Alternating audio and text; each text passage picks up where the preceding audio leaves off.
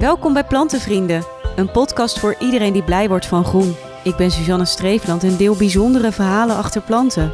Aflevering 9 met plantenvriend Wendel Tjong aan. Jouw plantenavontuur is begonnen in Berlijn. Ja, klopt. Wij waren verhuisd zo'n vijf jaar geleden. Uh, was niet helemaal de bedoeling, maar mijn man kreeg een uh, baan aangeboden daar. En toen dachten we, nou, let's go. Met kinderen en al, iedereen daarheen verhuisd. Maar het eerste jaar was best wel moeilijk voor mij. Kinderen gaan natuurlijk ja, meteen naar school en hebben daar sociale contacten. Mijn man ging naar werk en ik zat thuis.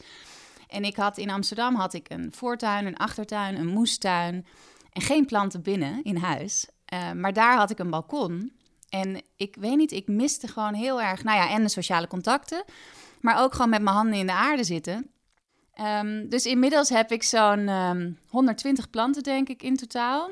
En dat is daar begonnen. Gewoon inderdaad uit een soort noodzaak van ik kan niet meer tuinieren en uh, ik moet mijn liefde ergens kwijt. En inderdaad, het is ook heel erg aardend, letterlijk, om gewoon met planten bezig te zijn. En dat maakt je ook gewoon ja, een beetje relaxed of zo. Je ging van Berlijn naar Amsterdam weer terug? Ja, dus mijn man stuurde op een gegeven moment foto's van planten. Ik denk dat hij acht foto's had gemaakt van allemaal groepjes planten. Uh, hij zei, nou, welke wil je meenemen?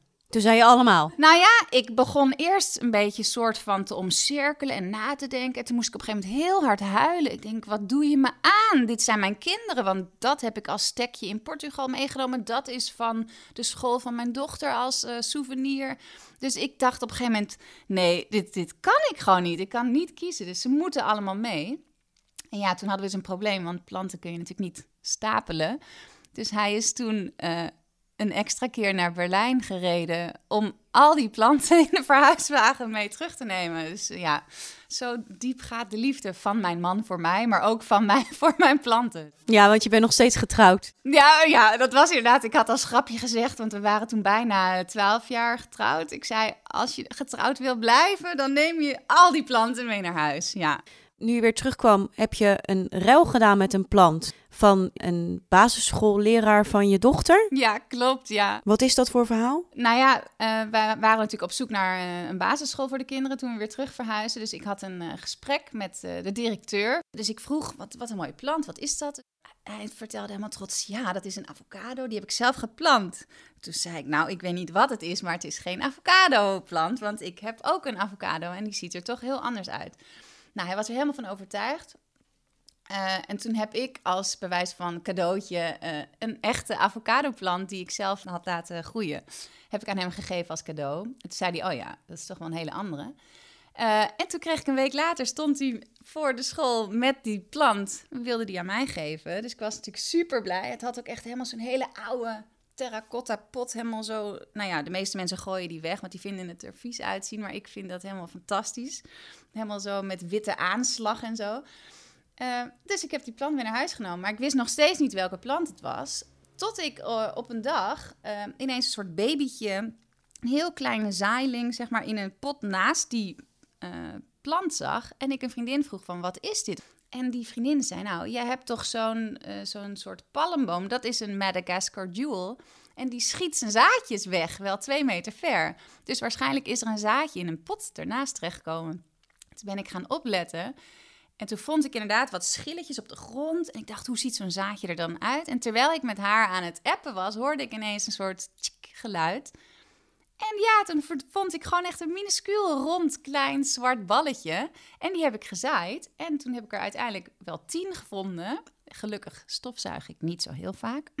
en dat is nu gewoon een hele familie. En die babytjes van die, um, die plant zien er helemaal mooi uit. Want ze hebben hele mooie witte nerfjes. En nou, ze zijn echt fantastisch. Ik heb zelfs een giveaway georganiseerd. Omdat iedereen vroeg, mogen we zo'n plant? Wij willen ook zo'n plant. Kun je dat niet opsturen? En toen vond ik het ook wel heel moeilijk om hem op te sturen. Want je hoopt natuurlijk wel dat dat dan heel aankomt. Ja, dat hij het overleeft. Ja, en ik heb nu ook aan het einde van het schooljaar... heb ik de directeur en de docenten van mijn kinderen... heb ik ook allemaal zo'n baby gegeven als cadeautje. Kreeg hij zijn eigen plant weer terug? Ja, ja een kloon, ja. In deze podcast geven we ook altijd een stekje weg voor in de plantenbiep.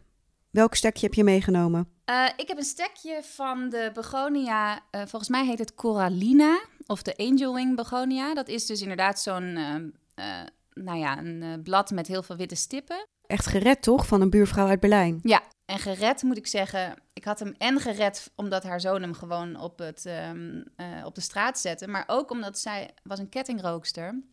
En die plant, het, hij zag er vreselijk uit. Ik snap ook wel dat hij hem ging weggooien. Want hij zag er echt... Het, het was zo'n hele grote klomp, ehm, hoe heet dat, van het granulaat, van die eh, rode korreltjes. Daar had ze hem ingezet. Nou, het was zo hard als cement. En daar zaten, ik denk, zes bladeren aan of zo. En nou ja, ik ben ook een beetje bijgelovig en zo. En toen dacht ik ineens, het was ook niet zo'n heel aardige vrouw. en toen dacht ik ineens, misschien zit haar, weet ik veel, haar ziel er nog in of zo. En het stonk enorm. Toen heeft een vriendin van mij uit Zwitserland, die heeft toen op afstand een soort van cleansing ritueel gedaan. En, um, want ik heb ook helemaal niet geslapen die nacht. Ik voelde me ook heel slecht. En toen, nou, die plant die is zo blij geworden. Die, die groeit helemaal zijn pot uit. En ik heb hem net weer moeten, uh, moeten snoeien omdat hij gewoon zo groot en zo grote trossen bloemen en zo. Dus ik knip hem altijd heel rigoureus, helemaal heel kort af. Iedereen is dan helemaal in shock. Maar hij is er echt ja, heel blij mee. En hij groeit steeds groter en groter. Dus daar heb ik altijd stekjes van. Nu dus zelfs wel twintig of zo. Dus die wil ik heel graag geven. Um, ook omdat hij gewoon ja, een heel bijzonder verhaal heeft. En um, er gewoon heel gelukkig uitziet als iemand hem liefde geeft. Want het was zo'n zielig hoopje. De plantenbieps die zijn te vinden op plantenvrienden.nl. En op Instagram deel ik de updates van alle stekjes die mijn gasten weggeven in deze podcast. Heb je zelf een verhaal te delen? Dan kan je dat mailen naar podcast.plantenvrienden.nl. Leuk dat je luisterde en tot de volgende aflevering.